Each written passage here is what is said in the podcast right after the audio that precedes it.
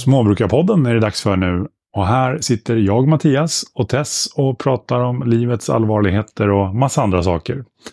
Jag inledde här precis med att Samurai stod och glodde på mig som en dåre. Och så kunde jag inte hålla mig så jag gjorde det. Och vad gör Samurai då? Jo, givetvis så slickar mig i ansiktet. Ja, men man måste ju pussa som man gör sådär tror jag. Ja, tydligen. Så är det. Ja, jag spenderar dagen med att flytta på snö.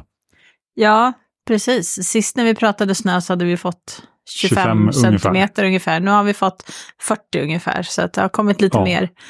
Ehm, och eh, de där 40 centimetrarna, de ligger ju utspridda jämt överallt. Ja, det är det de gör. Mm. Det är liksom ingen som plockar ihop dem i små högar. Nej, eller Eller ja, det är det jag gör. Ja. ja, det ska ju bli ett töväder nu. Så Ja. att vi får ju se hur mycket snö vi kommer ha kvar när, när den eh, lite varmare perioden är över. Men eh, det var väl ganska bra att du skottade lite grann i alla fall, för vi kom fram till att annars skulle det vara svårt att komma tillbaka hem med bilen sen när du har jobbat imorgon. Ja, jag kan ju köra ut, men det blir... Alltså visst, jag kan ju backa också, men det- är lättare man kan vända på gårdsplanen än att backa på vår lilla, lilla väg. Ja, alltså det är en liten bit, det är några meter, vad kan det vara, 80 meter eller någonting sådant. 200. 200 meter. Det var en bra uppfattning jag hade. I alla fall. Och eh, det är ju rakt, så det är inte så svårt att backa egentligen. Problemet när det är snö är att allting är så vitt så du ser inte kanten. Nej.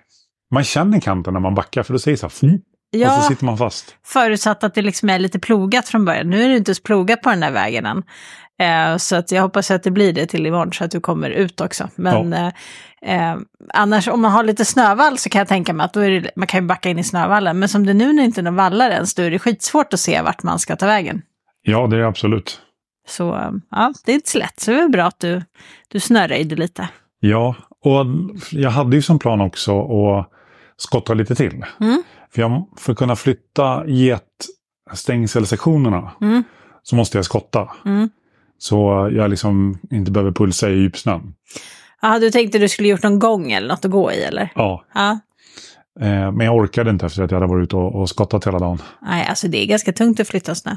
Det är tungt, speciellt när det är eh, 35-40 centimeter blötsnö. Ja, precis. Och blötare blir den ju, desto varmare det blir. Mm, Nu har vi vet. 0,1 grader ute, så att det tör väl på som mattan där ute kan jag tänka mig. Ja, och du som lyssnar, har du tips på en snöstyrare eller snöbjörn eller så snökälke? Kärt barn har många namn. Har du tips på en sån som fungerar för långa? Får du jättegärna säga till. Mm.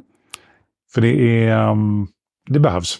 Överlag kan vi säga att vi är alltid intresserade av, av, eh, av liksom verktyg med långa, alltså handtag an, anpassade för långa personer. För typ så alla skifflar är lite korta, högafflar är lite korta, snöstyrar är lite kort, alltså det är skottkärrorna är lite låga. Mm. Det- Dörrar är lite låga. Ja, precis. Men jag tänker så att det, det skadar inte om någon har något sådant jättebra tips på den här passade mig skitbra och jag är jättelång. Så då tar vi gärna emot det. Ja, absolut. Och jag fixar färdigt hönshuset. Mm. Det är, lite, det är lite kul. Det är lite kul. Fast precis när jag sa det så insåg jag att det saknas belysning där inne. Mm. Så jag ska bara. Du ska bara, ja men det borde, alltså belysningen borde inte ta allt för lång tid. Eh, jag ska bara hinna med det med jobb och grejer emellan liksom. Men eh, jag, jag måste ju också komma på hur jag ska lösa våran lilla gång som vi ska ha. För vi, vi kan ju inte släppa våra fåglar lösa i år. Men vi har ju bestämt oss för att är, vi, vi betalar alldeles för mycket skatt till rovdjuren. Precis. Eh, Så de ska inte gå att lösa. Nej, och det har varit ett hårt tryck senaste tiden så att jag känner att jag vill inte chansa. Det är väl en sak om det hade gått liksom så här flera månader och inget hade hänt. Men det har ju hänt att vi har blivit av med en fågel och en fågel till och sådär. Mm. Så då hade jag tänkt att från hönshuset till växthuset ska jag bygga en liten gång. Så att när de går ut ur hönshuset så går de en gång in i växthuset. Där får de liksom ha sin vinterhage. Det är ju ganska stort ändå, växthuset.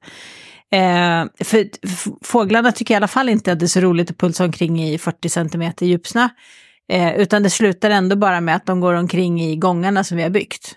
Ja. Så då kan de lika gärna vara i växthuset, där har de gott om plats. ja, faktiskt. Men eh, då måste jag bygga en liten gång mellan de här två platserna. Så att de kan gå emellan. Mm, sant. Faktiskt.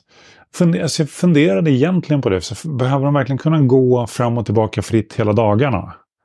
Eller ska de kunna gå liksom fritt lite nu och då? Så att man skulle kunna släppa dem på morgonen. Ja. Ja, alltså jag tänkte nog att de skulle kunna gå fritt hela dagen. Eh, fördelen är ju då att så fort det mörknar ute så går de ju automatiskt in. Det brukar vara så. Ja. Om de inte trivs så bra i växthuset för då kommer de stanna kvar där. Då får man ett himla show med att flytta dem. Men eh, Jag kom på det precis nu, att man kanske kan göra så morgon och kväll, att man föser dem. ja, du menar så stänger man in dem i växthuset liksom? Ja, alltså det kanske går att ha någon så här tillfällig, jag tänker, jag vågar nog inte fösa dem liksom bara helt fritt, men att man liksom sätter upp lite galler, öppnar upp, föser in dem, tar bort gallerna. Och sen ställer tillbaka dem eller någonting Uh, det lät som jättemycket jobb. Det är många meter. Ja, jag vet behöver inte. tio galler. Ja, ja Nej, men tänk, precis. de har ju en gång. Ja, de har ju en gång, det är sant. Då kanske de håller sig igång Ja. nu. För det är som en snövallgrav. Jag tror, Ja, ja, precis. Så länge det är en gång så kommer de att gå i gången. Det tror jag också. Då bör man väl spärra av så de inte springer förbi växthuset. Men om gången tar bort, då blir det svårare att få dem Mm. att gå åt rätt håll. Ja, jag tänker bara hela förra sommaren, eller hela förra vintern, så hade vi dem gående på det sättet. För då hade de en gång in till växthuset. Ja, sant. Yes, yes. Ja, vi får se. Det ska bli spännande att se. Men först så var det lampa innan de kan flytta. Ja, precis. Men det är bra sen att det är klart för att jag tycker det blir skönt att de ska få tillbaka till sitt gamla hönshus och eh, då får vi också loss de här sektionerna som vi ska bygga vinterhage med till getterna. Ja, fast vi ska ha två vinterdagar till getterna. Mm. Jaha, så du tänkte låta den stå och bygga en till? Ja, vi behöver ehm, så att bockarna går igen. Mm, jag förstår. Ja, ja, men då så. Det blir så bra så. Ja, vad bra. Någonting annat som är bra det är att jag kom på att jag kan hyra bagarstugan i Ramsele. Ja. För- Du har ju bestämt att du ska hålla på och baka massa tunnbröd. Ja, inte massa, men jag ska baka lite tunnbröd i alla fall. Mm. Och då var det ju ganska smidigt att kunna hyra den. Jag har ju förväntat mig att du ska baka massor med tunnbröd. Ja. Fast jag får ju inte äta tunnbröd så det blir jättedumt. Nej, men du kanske kan provsmaka lite grann för att komma med dina kritiska insikter och nedtryckande påståenden. Absolut, det är inga problem. Nej. Nej, det är klart jag får äta tunnbröd, men jag lär ju inte äta jättemycket tunnbröd, för det lär väl kosta mycket. Ja, Så fasiken, jag som var så sugen på jättemånga tunnbröd nu bara för det. Ja, så glömde jag bort att jag inte skulle äta sådana. så Blev jag besviken med en gång här. Ja, Men vad härligt med bagarstugan. Är det en sån här eh, som man eldar, alltså en Ja. stor öppen sådan. en, en bakugn. En bakugn, precis. Jag kommer inte på vad det hette. Öppen spis tänkte jag säga, men det Ja, kändes fel. som är vedeldad. Mm. Eh, nej, för det, det ska bli kul att prova. För det är ju en här i byn som har sagt att hon ska hjälpa mig och liksom visa. Mm. Men sen så tror jag på övning också. Mm. För då tänker jag att då kan jag baka och sen kan hon provsmaka. Så man ser vad hon tycker om det är bra eller dåligt. Och hon kanske kan följa med någon gång. Mm. Det vet man ju aldrig. Nej, precis. Det låter ju väldigt spännande. Det ska bli jätteintressant att du ska liksom dra ifrån gården för att baka bröd. Ja. Det, vi vet ju hur det brukar gå när jag åker från gården. Ja. Så du får väl passa på att bryta vänster arm den här gången. Eller något. Du ska inte vara borta så länge den här gången, så jag kanske kan låta bli att bryta Ja, någonting men du hann, ju, du, hann ju, du hann ju bryta saker. Jag var tvungen att ta sats flera gånger för jag, jag fick fel ord i munnen Ja. när jag skulle prata. Eh, du lyckades ju ganska fort förra gången. Ja, det var inte alls... Alltså det var verkligen usch, jag vill inte ens tänka på den här gången. Det var hemskt. Ja, men vi byter ämne. Fy, vi struntar i det. Jag har så ont i min hand, så jag, det är bara jäkligt jobbigt tycker jag. Ja. Nej, för jag började ju leta baksaker. Mm. För man behöver ju eh, lite attiraljer när man ska baka. Mm. En naggkavel och randkavel och lite så här bakspadar och lite annat. Mm. Eh, och hittade en kvinna som hade ganska fort. Mm. Problemet var att hon bor i Strömsund. Ja, precis. Det är ju typ, vad är det, åtta mil härifrån eller någonting. Ta en timme Någonting att köra. sånt, Mm. Ja. Sen kom jag på att en kollega, ehm, jag ska säga LPs ägg, LPs hemägg, de levererar ju ägg i, ström. Mm. Och då passade jag på att fråga henne om hon kunde hämta dem. Mhm. Så att hon har hämtat dem nu. Jaha, ja, det var ju coolt. Så ja. Och det är så här, är du sugen på ägg och bor i Strömsund, Ramsele, Edsele-trakten? Kolla LPs hemägg. Det är bra grejer. Mm, det är bra Det är inte en grejer. sponsor, men kanske en samarbetspartner framöver. Precis. Ja, och jag tycker kan man köpa lokalt så är det jättebra att köpa lokalt. Jo, Mm. det är alltid trevligt.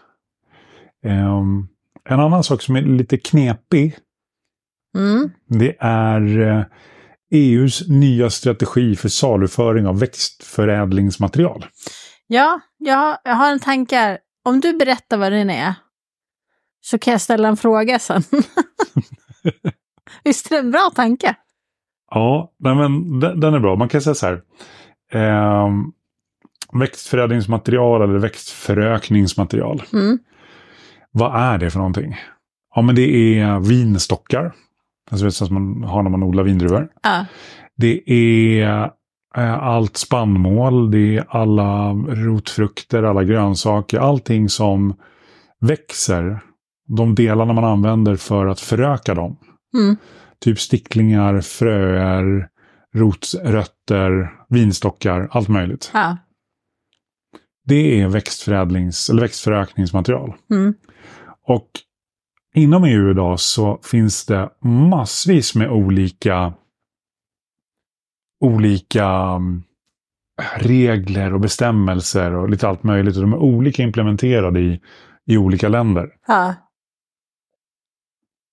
Vänta, jag måste pausa för sen är på mig som en tossing. Men eh, lätt, lätt att tappa tråden. Eh, så det här är liksom till för...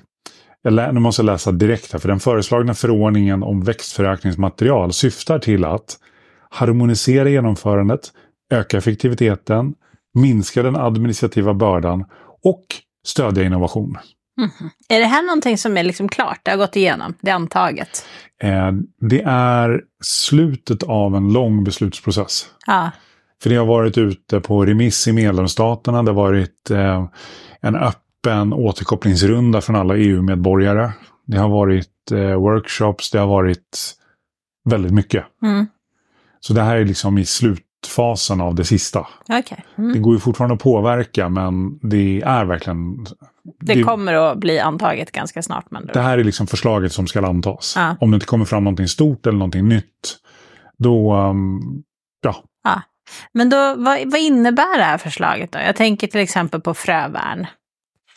Ja, man kan väl säga så här att det innebär olika saker. För privatpersoner som eh, använder växtförökningsmaterial så kommer det inte vara så stor skillnad Okej. Mm. för privatpersoner. Men däremot för växtförökningsmaterial som saluförs till och mellan genbanker, organisationer och nätverk så måste det dokumenteras vem som hade vad och gav hur mycket till vem. Mm. Eh, Det måste sparas i en genbank. Okej, skulle man kunna säga att frövärn är ju ett nätverk då? Det Av ett privatpersoner visserligen, men det Det blir ett nätverk. det är ju ett nätverk. Ja. Så då faller det liksom under det här. Ja. Och det ska vara det, det, alltså det utsädet man delar mellan sig. Det ska vara som fritt från kvalitetsskadegörare som det heter på EU-språk. Ehm, eventuella defekter, tillfredsställande livskraft, det ska kunna användas som växtförökningsmaterial och ha tillfredsställande, tillfredsställande grobarhet. Mm. Så att det är ju bra i sig att det liksom finns en kvalitetsnivå Mm. Det svåra och utmaningen för sesam, kanske för alkorn, eh, eventuellt för... Så frövärn är ju någonting annat. Mm. Men det kommer ju gälla även för frövärn, för det är ett nätverk. Ja, alltså jag tänker, jag tänker så här, frövärn är ju verkligen så här privatpersoner som vill liksom byta fröer med varandra och på det sättet vill kunna också bevara kanske lite äldre växter och lite allt möjligt sånt. Eh, men eh, i och med att det blir ett nätverk så kommer det automatiskt falla under det här. Alltså att det betyder att de bör ju följa riktlinjerna egentligen ändå. Fast jag tänker att eh, de liksom säljer ju inga fröer. Det är ju inte det som är syftet. Jag tror syftet är väl mer att byta med varandra. Och då det ju, blir det väldigt mycket regler helt plötsligt att förhålla sig till. Ja, helt rätt. Mm. Eh, och man kan ju säga att de större så här, fröbytarorganisationerna som liksom är mer offentliga, de kommer ju få lite utmaningar. Mm.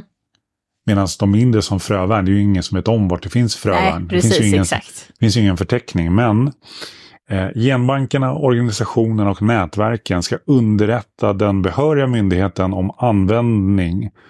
Eh, och så finns det massa annat och vilka arter som berörs.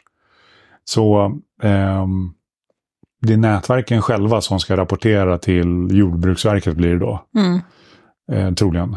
Som då ska rapportera in till EU. Mm.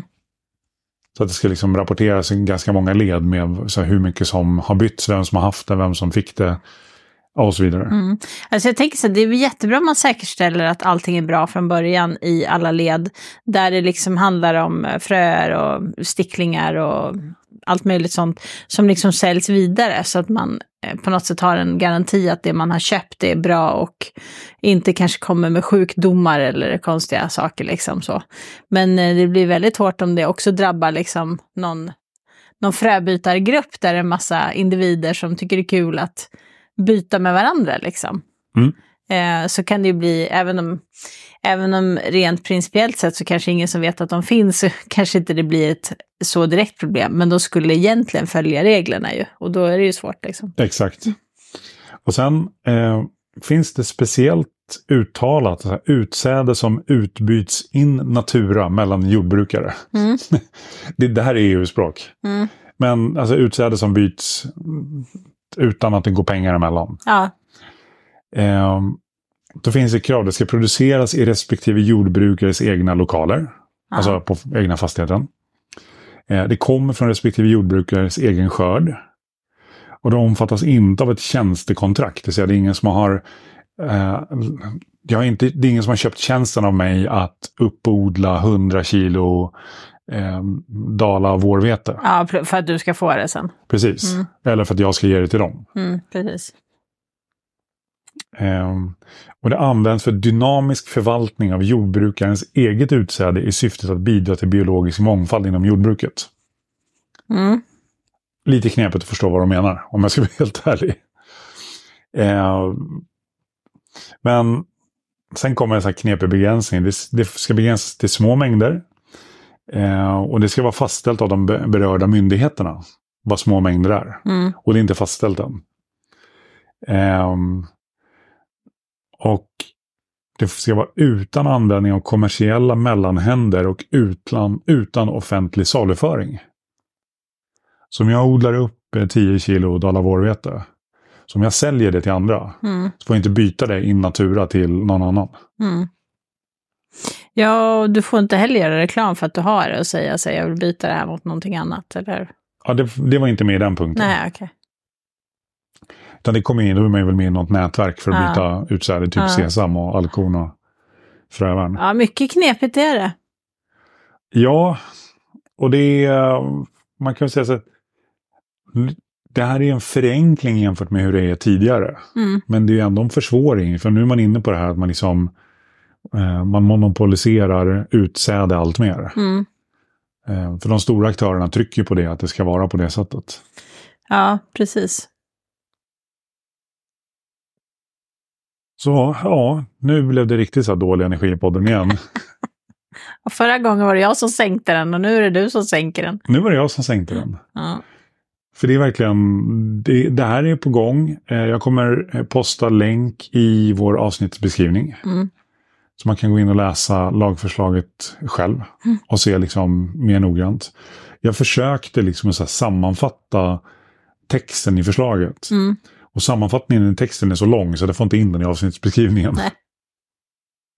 Ja, jag förstår. Nej, men det är alltid knepigt när det är med EU. Det brukar bli väldigt stora mängder text för att man ska förstå vad det är för någonting. Ja, och det krävs ju när det är liksom så, så pass stora regelverk. Mm, precis. Så sen har jag lärt mig en sak också att när man översätter EU-texter då måste man i princip översätta ord för ord. Mm.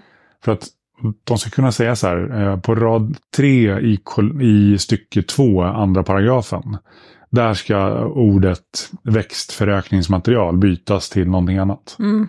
Och då måste det stå på rätt ställe för att översättarna ska kunna göra liksom, rätt jobb. Mm. Så det är ganska knepigt att vara översättare inom Det låter väldigt konstigt att lyckas bygga korrekta meningar utav alltihopa också. Mm. Ja, det låter inte som ett jobb jag vill ha. Nej, det låter inte som ett jobb du vill ha. Du har ju jobbat en hel del med saker idag. Mm. Du håller ju på att bygga upp lite grejer. Vi ska inte gå in på vad det är för någonting. Men du har ju fastnat lite i Facebook-admin-träsket. Ja, jäklar vad rörigt det är. Man ska försöka knyta upp en, eh, en webbplats med Facebook, med Instagram och försöka få det att lira. Ehm, det är inte helt simpelt alla gånger. Nej. Nej, speciellt du som slog tån i tröskeln och liksom fick, fick ett härligt meddelande om att, att ditt konto eventuellt var... Men det blev begränsat, det var någonting med någonting med annonser. Ja. Men jag har ju precis startat, alltså det var en sida. Mm. Som blev, blev stoppad på grund av någonting med annonsering. Och jag har inte gjort någon annonsering för jag har precis skrivit in namnet på sidan. Den har liksom inte existerat mer än tre timmar liksom. Så att det, det är någonting som är knas. Men det var deras bottar som hade hittat något som de tyckte var konstigt. Vad vet jag inte. Eh, och stoppat alltihopa. Och så skulle man försöka bekräfta då att jag ägde sidan. Då skulle jag ladda upp någon bild på mitt ID-kort. Men eh, då gjorde jag det och då så säger den så här, nej men det går inte, vi tar bara emot JPEG, PNG, PDF och något format till. Och det var en JPEG-fil. Så jag tänkte jag provar med PDF, det gick inte bättre. Jag provade med PNG, det gick inte bättre. Så det var ju väldigt svårt att bekräfta också. Ja, jag blir bara så trött på det där. Och så är det alltid så att ja, men först måste du göra den här saken, sen måste du göra den här saken, sen först kan du göra den där saken. Och funkar då inte den där första, då kan du liksom inte göra de där tre andra heller. Nej. Så ja, struligt är bara förnamnet. Men eh, å andra sidan så, jag är inte så förvånad egentligen att det är struligt. Det är ju ganska komplicerade processer att du ska liksom knyta ihop sömlöst för slutanvändaren, liksom både webbplats med Facebook, sida, grupp, butik med Insta, grupp, eller med Insta, eh, sida eller vad det heter, och butik liksom. Mm. Eh, och det ska liksom bara gå sådär swoosh för den som använder alltihopa sen. Eh, så att det är egentligen inte jättekonstigt att processerna är lite knepiga ibland, för det är ganska mycket som ska till, tänker jag. Ja. Men det är frustrerande när man fastnar i det där träsket. Och så när det gäller Facebook, då finns det ju aldrig någonstans man kan fråga liksom. Nej, det är lite knepigt.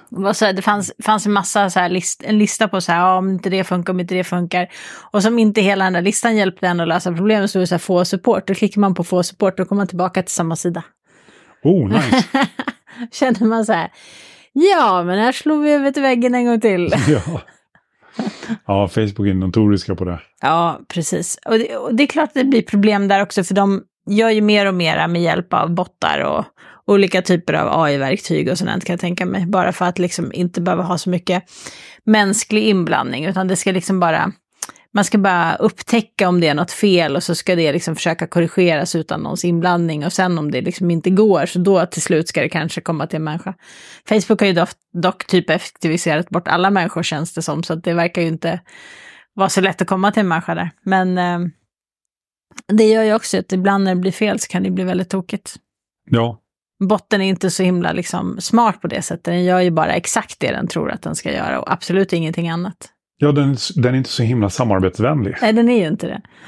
Nej, så vi får ju se. Kanske slutar med att jag får delita hela sidan och starta en ny sida, men då vet jag vad som händer också, för då hamnar ju den i något så här limboland.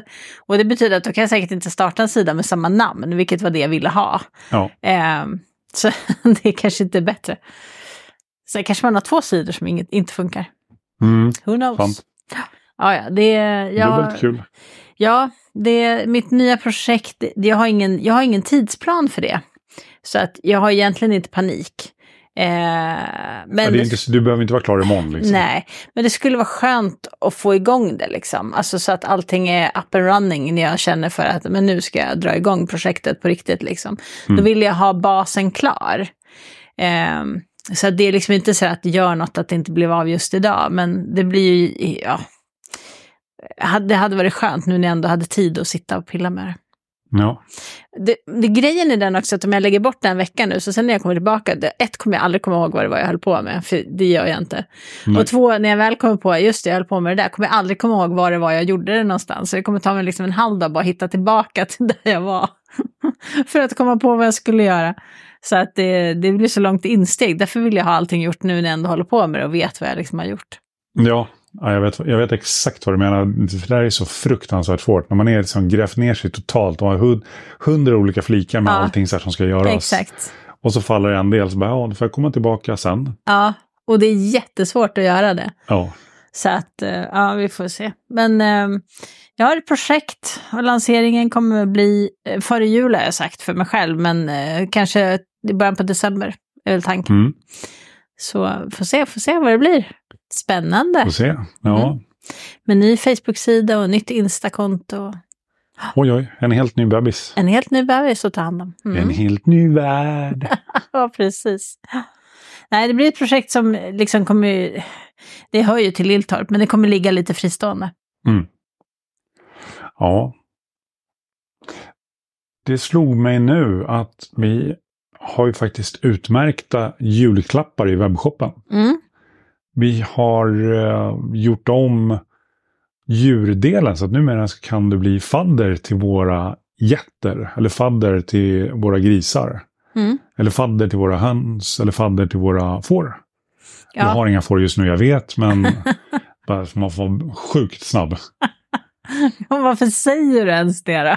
Därför att när vi skaffar, när vi skaffar nya får i, i vår så är det bra att det, folk vet att det finns. Ja, ja. Eller att det kommer. Ja. Ja, Jag förstår. Ja, precis. Man kan gå in i webbutiken och så kan man köpa sig ett fadderskap till våra djur om man vill vara med och, och bidra till livet på gården. mm. Och det som händer då när man blir fadder det är att varje månad så får man allt material som har skapat den månaden som har med det djurslaget att göra. Mm. Får man det samlat. Mm.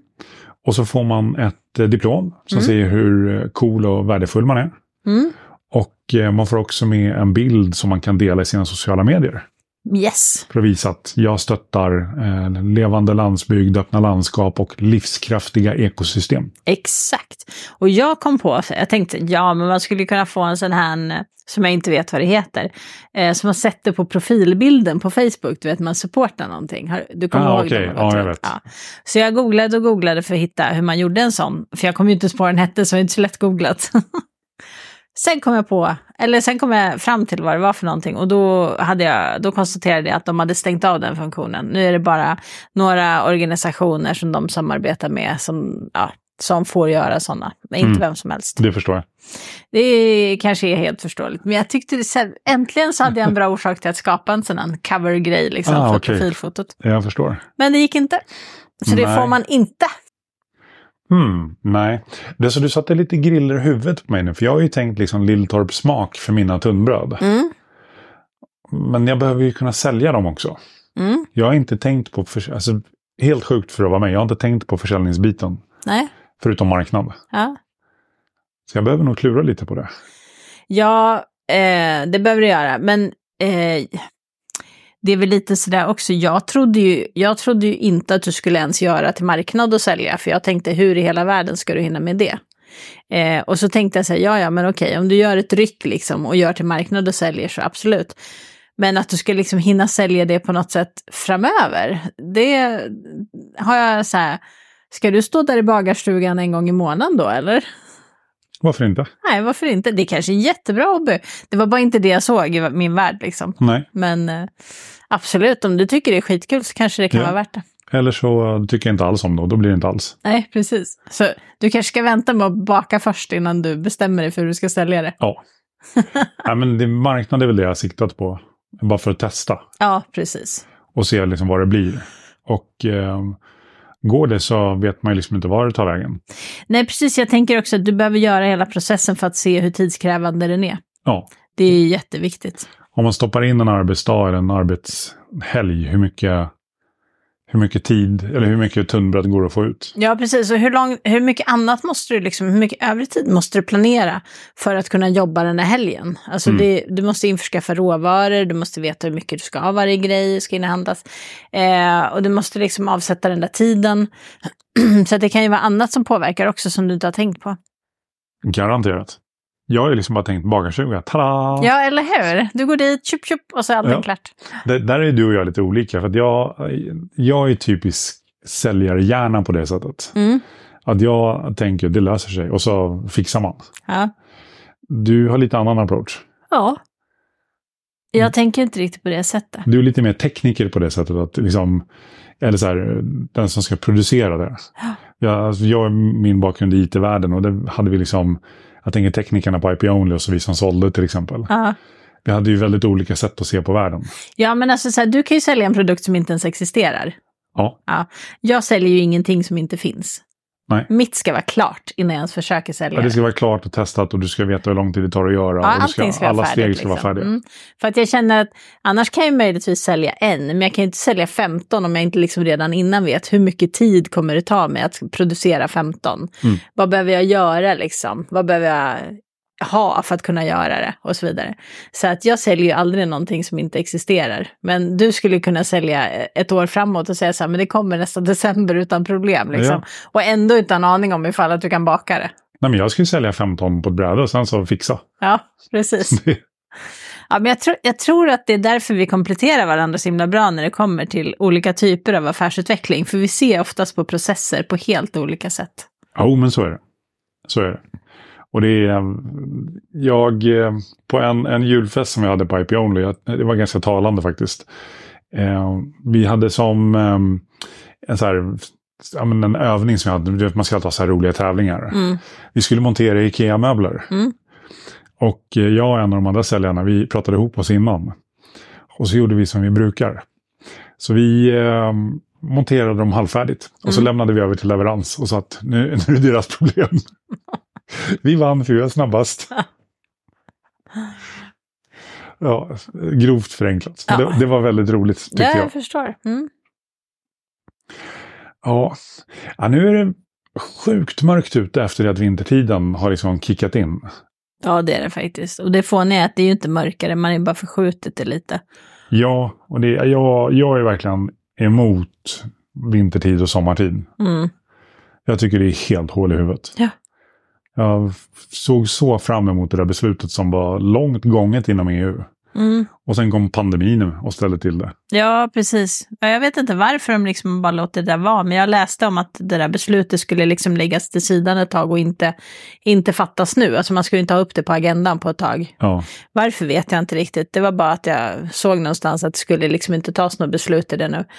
Eh, vilket är sjukt, sjukt synd, för jag tycker vi behöver inte ha sommartid och vintertid längre. Och jag tror många skulle gynnas av att ha en tid. Och det spelar ju inte så himla stor roll vilken tid vi tar, bara vi inte håller på och byter hela tiden. Liksom. ja precis. Så eh, sen är det ju så att det har ju inte blivit mörkare, liksom. Det blir ju inte mörkare nu direkt för att tiden förskjuts, det är liksom därför det ser mörkare ut. Men samtidigt så det blir ju mörkare, det brukar ju vara, jag vet inte hur mycket det är uppe i nu, men det brukar ju vara så här 5-6 minuter per dag när det är som mest när liksom dygnet förändras. Så Mm. på en vecka så blir ju det ganska mycket helt plötsligt. Så Ja, jag tycker man absolut. märker verkligen att dagarna blir kortare också.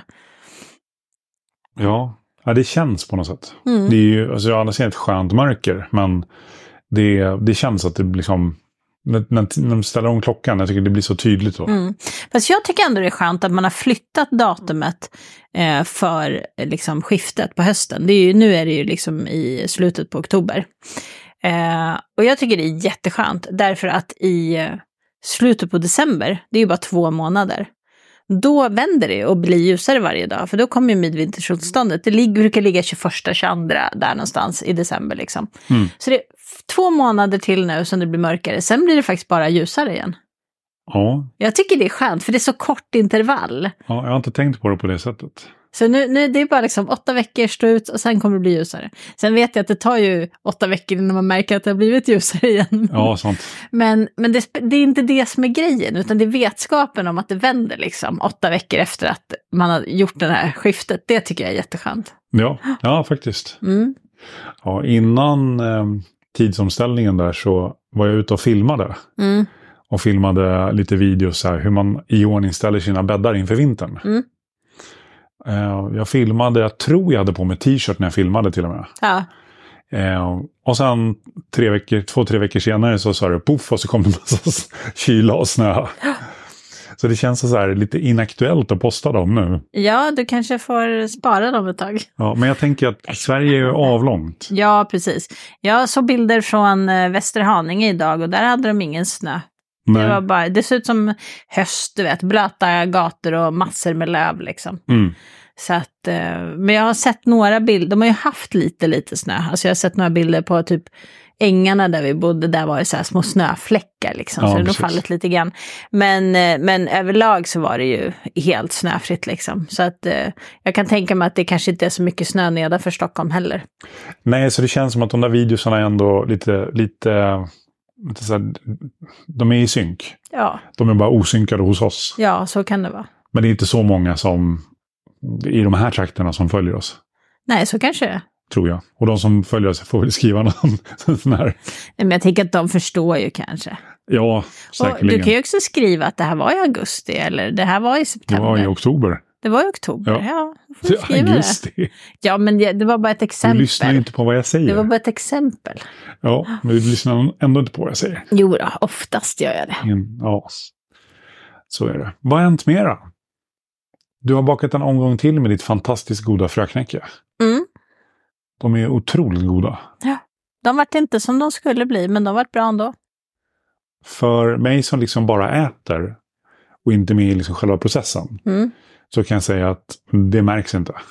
Nej, nej men alltså det, det, de blir väldigt goda. Det är ju bara så. Men jag vet inte vad det var. Det var någonting som inte blev riktigt lika som förra gången. Eh, vilket störde mig lite grann. Men det var inget fel på knäckebrödet i sig liksom. Ja, Så, eh, men det är gott. Det är enkelt att baka och gott. ja det är det verkligen. Så det ska vi ha mer av. Mm. Ja, jag känner att jag skulle nästan vilja gå ut och montera den där lampan. Ja, men gör det då. Ja, Gå ut och lysa upp mörkret lite. precis. Så du som lyssnar, eh, tack så jättemycket som vanligt.